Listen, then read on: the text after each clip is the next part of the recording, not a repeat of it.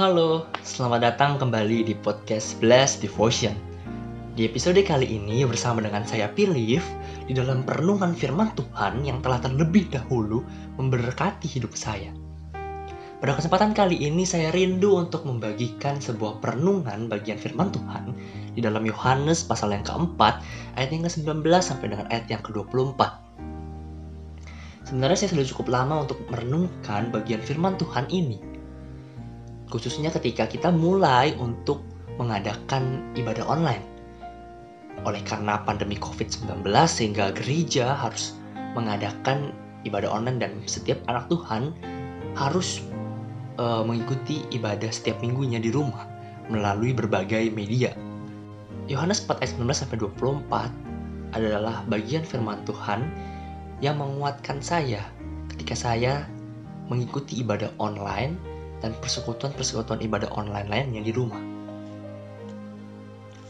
Bagian firman Tuhan ini sedang menceritakan tentang percakapan Yesus dengan seorang perempuan Samaria ketika Yesus dalam perjalanan bersama dengan murid-muridnya.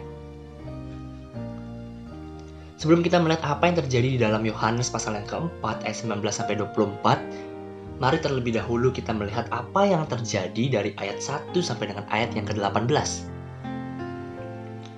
Saat itu Yesus dan murid-muridnya dalam perjalanan dari Yudea untuk kembali ke Galilea. Sebenarnya ada dua rute untuk kembali ke Galilea dari Yudea. Akan tetapi mereka memilih rute terdekat yang mengharuskan mereka untuk melewati daerah orang Samaria. Ketika murid-muridnya sedang pergi ke kota membeli makanan, duduklah Yesus di pinggir sumur yang terletak di sebuah kota Samaria yang bernama Sikar.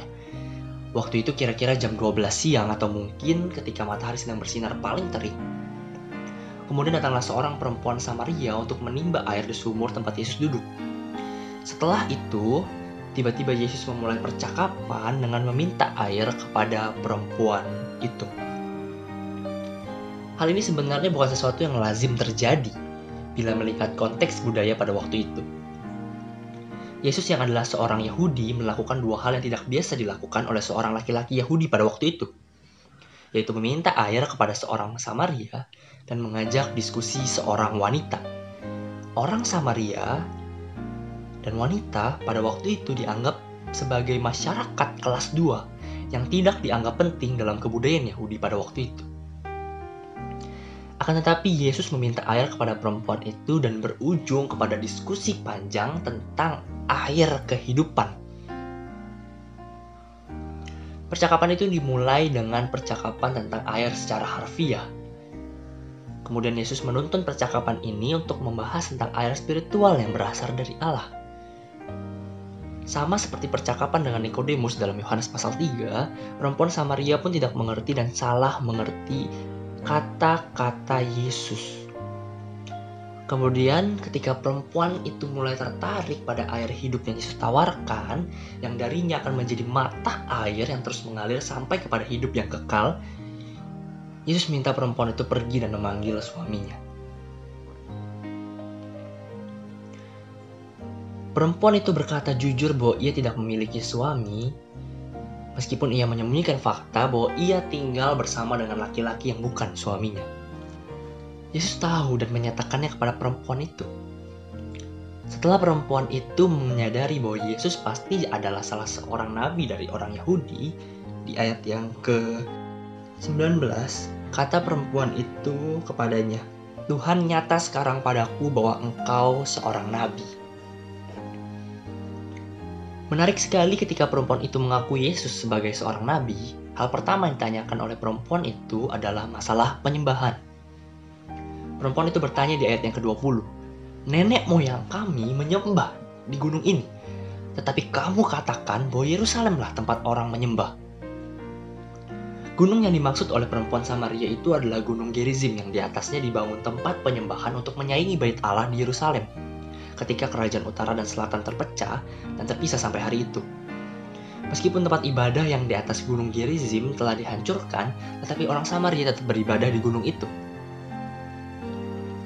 Oleh karena perempuan itu mengira Yesus adalah nabi Yahudi, maka kemungkinan besar ia sedang mengekspektasikan Yesus akan menjawab dengan menekankan penyembahan pada bait Allah di Yerusalem. Akan tetapi ternyata jawaban Yesus sangat berbeda dengan yang mungkin diekspektasikan oleh perempuan Samaria itu. Yesus menjawab perempuan Samaria itu dalam ayat yang ke-21 sampai dengan ayat yang ke-24. Kata Yesus kepadanya, percayalah kepadaku, hai perempuan, saatnya akan tiba bahwa kamu akan menyembah Bapa bukan di gunung ini dan bukan juga di Yerusalem. Kamu menyembah apa yang tidak kamu kenal, kami menyembah apa yang kami kenal. Sebab keselamatan datang dari bangsa Yahudi, tetapi saatnya akan datang dan sudah tiba sekarang bahwa penyembah-penyembah benar akan menyembah Bapa dalam roh dan kebenaran. Sebab Bapa menghendaki penyembah-penyembah demikian. Allah itu roh dan barang siapa menyembah dia harus menyembahnya dalam roh dan kebenaran. Yesus sedang menyatakan seperti apa penyembahan kepada Allah yang dikehendaki olehnya. Yesus menyatakan bahwa penyembah-penyembah yang benar adalah penyembah-penyembah yang menyembah dalam roh dan kebenaran. Sebenarnya apa artinya menyembah Allah dalam roh dan kebenaran? Yesus menyatakannya dan memulai argumennya dengan sebuah transendental lokasi penyembahan yang tidak lagi terbatas di Yerusalem atau di Gunung Gerizim. Yesus menyatakan bahwa menyembah yang menyembah di dalam roh berarti sebuah penyembahan yang tidak terbatas pada lokasi tertentu. Yesus kemudian menjelaskan alasan kita menyembah dalam roh karena Allah adalah roh. Allah tidak terbatas pada ruang dan waktu tertentu. Dia jauh melampaui itu semua. Para penyembahnya harus mengerti dan sadar bahwa mereka sedang menyembah Allah yang adalah roh. Kemudian Yesus menyatakan bahwa pengenalan akan Allah orang Yahudi dibandingkan dengan orang Samaria dan Yesus sudah menunjukkan bahwa pengenalan akan Allah itu harus melalui firman-Nya. Hal ini dikarenakan orang Samaria hanya mengakui kitab-kitab Pentatuk Sementara orang Yahudi tentu lebih mengenal Allah secara keseluruhan melalui seluruh kitab-kitab perjanjian lama. Namun pernyataan Yesus tentang keselamatan yang datang dari bangsa Yahudi tidak berarti semua orang Yahudi akan diselamatkan. Melainkan bahwa pengetahuan tentang kebenaran akan keselamatan, yaitu pengenalan akan Allah, berasal dari setiap firman Allah di dalam perjanjian lama yang begitu ketat dijaga oleh tradisi orang Yahudi. Pengenalan akan Allah inilah yang dimaksud Tuhan Yesus sebagai penyembahan di dalam kebenaran. Menyembah dalam kebenaran berarti mengenal siapa yang kita sembah. Berarti tahu dan kita mengerti kepada siapa kita menyembah, yaitu kepada Allah yang benar. Untuk itu kita harus bisa mengenal Allah di dalam setiap pernyataannya kepada manusia.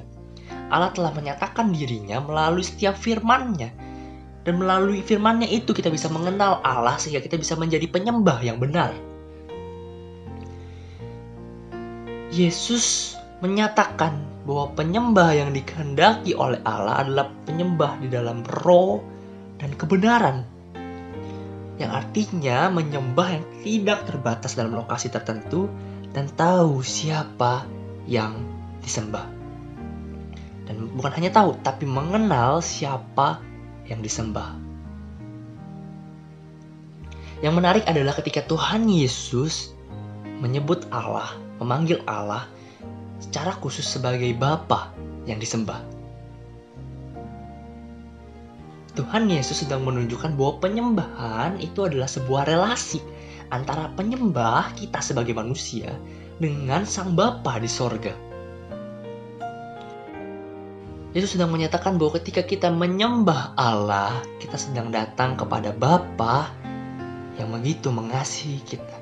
Kita sebagai seorang anak menyembah Bapa. Ada relasi yang intim, ada relasi yang spesial antara penyembah dengan Allah yang disembah. Ada relasi yang unik dan otentik ketika kita menyembah Allah Bapa. Yesus menyatakan bahwa Bapa akan disembah tidak terbatas hanya pada lokasi tertentu seperti Yerusalem dan Samaria, tapi bahkan seluruh dunia. Dan tidak hanya itu, tetapi juga banyak bangsa akan menyembah Allah yang benar. Mereka akan mengenal Allah orang Israel yang telah menyatakan dirinya dalam setiap penyataan firman-Nya dalam Alkitab. Lebih jauh lagi penghalang terbesar manusia untuk dapat menyembah kepada Allah yaitu dosa. Pada waktu itu memang belum Tuhan Yesus bereskan, tetapi akan segera Tuhan Yesus bereskan dan sekarang sudah Tuhan Yesus bereskan.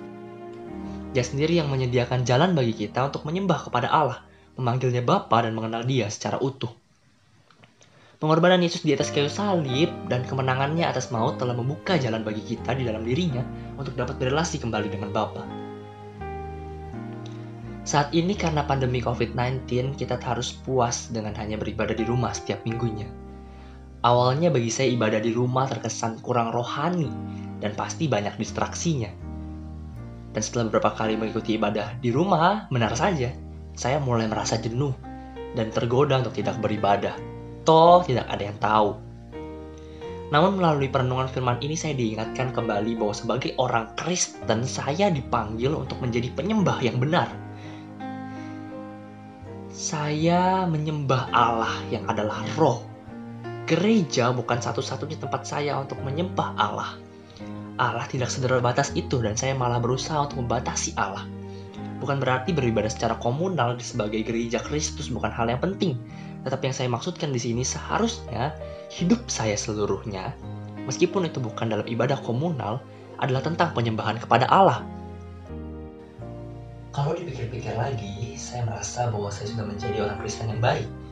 Tetapi nyatanya kehidupan spiritualitas saya di hadapan Tuhan tidak lebih baik daripada perempuan Samaria sebelum bertemu dengan Tuhan Yesus. Saya ternyata belum benar-benar mengenal Allah yang adalah roh. Saya sama seperti perempuan Samaria sebelum bertemu Yesus gagal memahami arti dari menyembah yang sesungguhnya. Inilah yang terus saya renungkan di dalam kehidupan saya. Mari kita merenungkan bersama kehidupan spiritualitas kita dalam menyembah Allah sampai hari ini. Apakah ketika kita menyembah Allah, kita sudah menjadi penyembah dalam roh dan kebenaran? Apakah ketika kita beribadah di rumah, kita telah menyembah Allah dalam roh dan kebenaran? Apakah kita membatasi penyembahan kepada Allah hanya sebatas dalam gedung gereja? Ketika kita menyembah Allah dalam roh dan kebenaran, tidak lagi ada yang harusnya membatasi kita. Ketika kita menyembah kepada Allah dalam roh dan kebenaran, seharusnya tidak ada lagi yang membatasi kita ketika kita rindu datang kepadanya untuk menyembah dan menyembah dia dalam pengenalan yang utuh. Itu berarti seluruh hidup kita seharusnya menjadi sebuah penyembahan kepada Allah. Menyembah dia dalam setiap hal yang kita lakukan, kerjakan, katakan, dan pikirkan termasuk menyembah dia dalam setiap ibadah komunal yang kita lakukan. Meskipun saat ini kita belum bisa melakukan ibadah seperti biasa di gereja bersama dengan setiap anak Tuhan lainnya. Selain itu, kita harus mengenal siapa yang kita sembah melalui firman yang kita renungkan dan menjadi kesukaan kita siang dan malam. Inilah yang saya renungkan sebagai true worshippers, yaitu penyembah-penyembah yang benar yang menyembah Allah dalam roh dan kebenaran. Mari saya ajak kita semua sama-sama belajar untuk menjadi penyembah-penyembah yang dikehendaki Bapa. Tuhan Yesus memberkati Solideo Gloria.